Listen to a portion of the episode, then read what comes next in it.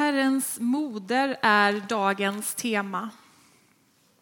Att vara människa innebär så mycket. Att vara mamma innebär så mycket. Glädjen att få sitta längst fram i kyrkan och se när du är tomte och Lucia på samma gång. Att baka pepparkakor och se hur du tjuvsmakar degen när jag inte ser. Mysa och läsa godnattsaga på din sängkant. Att fläta ditt hår och vinka hej då och få blöta pussar vid förskolans grind. Glädjen i enkelheten var mycket större i min mammaroll än jag kunnat ana. Hon sitter i bilen på väg hem från sjukhuset med sitt lilla barn. Oron är stor. Flickans knä är varmt och svullet och rött och läkarna vet inte vad det beror på. Genom fönstret på bilen så ser hon barn som springer, leker och hoppar och hon tänker, kommer min lilla flicka någonsin kunna leka på det sättet? Att vara mamma innebär så mycket. Skynda, skynda, skynda. Nu blir vi sena igen. Har ni packat allt i era ryggsäckar inför pappaveckan? Vi slirar in på McDonalds igen för andra gången den här veckan. För jag hinner inte laga kvällsmat. Ensamheten, kampen och utmaningar trodde jag inte skulle vara så stora i min mammaroll. De tittar på varandra. Nu är det dags. Verkarna är kraftiga. Hur ska det gå? Hur ont kommer det att göra? Blir det en flicka eller pojke? Tänk att få ta emot en så vacker gåva som ett barn. Mary, did you know? Maria, tänk om du vetat att det barn du bar skulle rädda en hel värld. Tänk om du vetat att det barn du bar skulle gå på vatten och ge blinda synen tillbaka. Men det hon vet, det är att hon ska bli mamma. Denna unga tjejen ifrån Nasaret. Hon är ungmö. Och i vår text idag så är hon på väg till Elisabet som också är havande. Denna kvinna som på ålderns höst fått vara med om undret. Hon som var ofruktsam. Tänk att dessa två kvinnor får dela detta under. Att de fick dela livet och att de fick mötas i dagens text.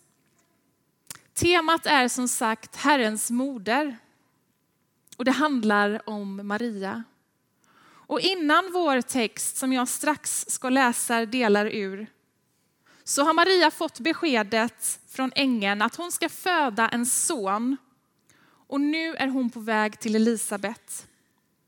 Inkarnationen, att Jesus blev människa, står i centrum i dagens text. Och jag läser ungefär halva texten som är hämtad ifrån Lukas 1 och vers 39. Det står så här. Några dagar efter ängens besök gav sig Maria iväg och skyndade till en stad i Juda bergsbygd.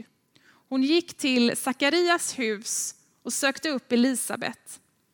När Elisabet hörde Marias hälsning sparkade barnet till i henne och hon fylldes av helig ande. Hon ropade med hög röst.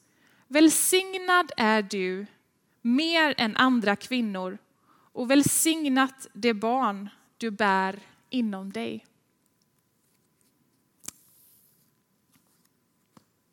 Jag vill säga tre saker i dagens predikan.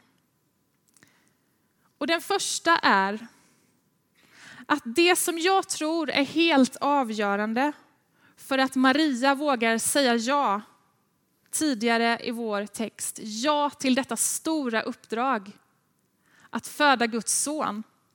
Det är något som står i vers 28. Herren är med dig. Herren är med dig. Och det gäller även dig som är här idag. Det är grunden för våra liv. Att vi får tro på en Gud som är med oss. Herren är med dig. Där började ängeln sitt möte med Maria. Och där börjar Herren sitt möte med dig och mig. Idag och alla andra dagar. För när vi har det löftet så är det möjligt för oss att sätta oss i rörelse. Att ta oss an livets utmaningar. Att säga ja till det som Gud har lagt på våra liv. När vi står på det löftet och vi vet att Gud är med oss. Så det är det första. Herren är med dig. Det andra jag vill säga, det var, eller det är, jag ska fortfarande säga det. Eh, Maria var en helt vanlig tjej. Hon var gravid, hon hade ont, säkert foglossningar. Och hennes liv hade tagit en helt annan vändning på väldigt kort tid. På väldigt kort tid hade hennes liv tagit en annan vändning. Hon behövde få möta en vän, en medmänniska, en medvandrare. Elisabet. Mötet med varandra kan vara helt avgörande när livet tar en ny vändning.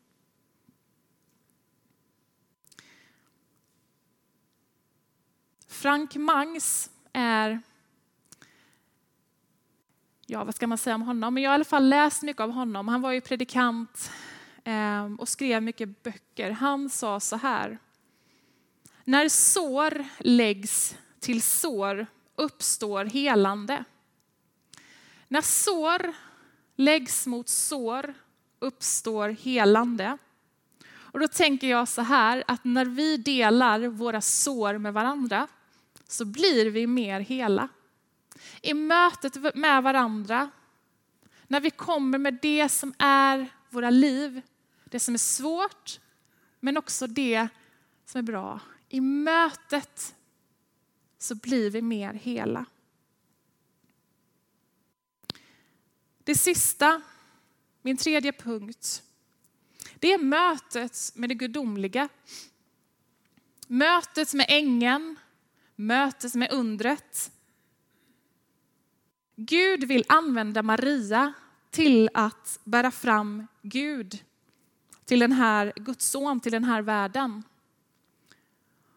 Och i min första adventspredikan, kanske någon av er kommer ihåg att jag sa detsamma om åsnan. Åsnan bar fram Jesus. Nu är det Maria som gör det med sin kropp och sitt liv. Hon bär Jesus inom sig. Men jag tänker att det är samma hemlighet som Jesus vill säga till oss. Att vi får bära fram Jesus med våra liv, i våra liv. Med det som vi har och är. För att andra människor ska få se Jesus och få upptäcka hans kärlek. Vi kan inte förklara eller förstå Guds under. Men vi kan göra plats för dem i våra liv. Vi kan säga vårt ja. Och samtidigt så skulle nog även jag ha svårt att tro på en liknande historia som Marias om någon kom och berättade det för mig. Men det är ju trons paradox. För när vi säger vårt ja till Gud så vet vi inte exakt vad det kommer att innebära. Vi vet inte vad som kommer växa i våra liv och vilka under som kommer att ske. Maria var ungmö, står det, och Elisabet ofruktsam. Undret kan ske oavsett hur våra omständigheter och liv ser ut. Precis som undret skedde för Maria och Elisabet. Våra liv ser olika ut och våra behov ser olika ut. Och våra livsuppdrag är olika. Men vi behöver ett, Guds löften att vi vet att Herren är med oss. Två, vi behöver varandra. Och tre, vi behöver Guds under. Vi ska alldeles strax fira nattvard. Vi ska få ta emot undret i våra liv. Jesus tar plats i oss, i brödet och i vinet. Och vi får ta del av Jesu kraft i just brödet och vinet här idag. Låta undret ske i oss. Vi får ta emot löftet in i våra kroppar idag. Om att Gud blev människa för att han älskade oss så oerhört mycket. Vi får sätta oss i rörelse mot undret på tre konkreta sätt idag.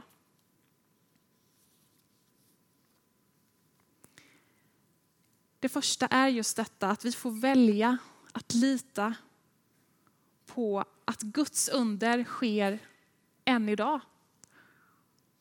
Och vi kan göra det genom att tända ett ljus, antingen här bakom mig eller i ljusbäraren. Och det är ett sätt för oss att tända ett ljus och säga låt ditt under ske idag.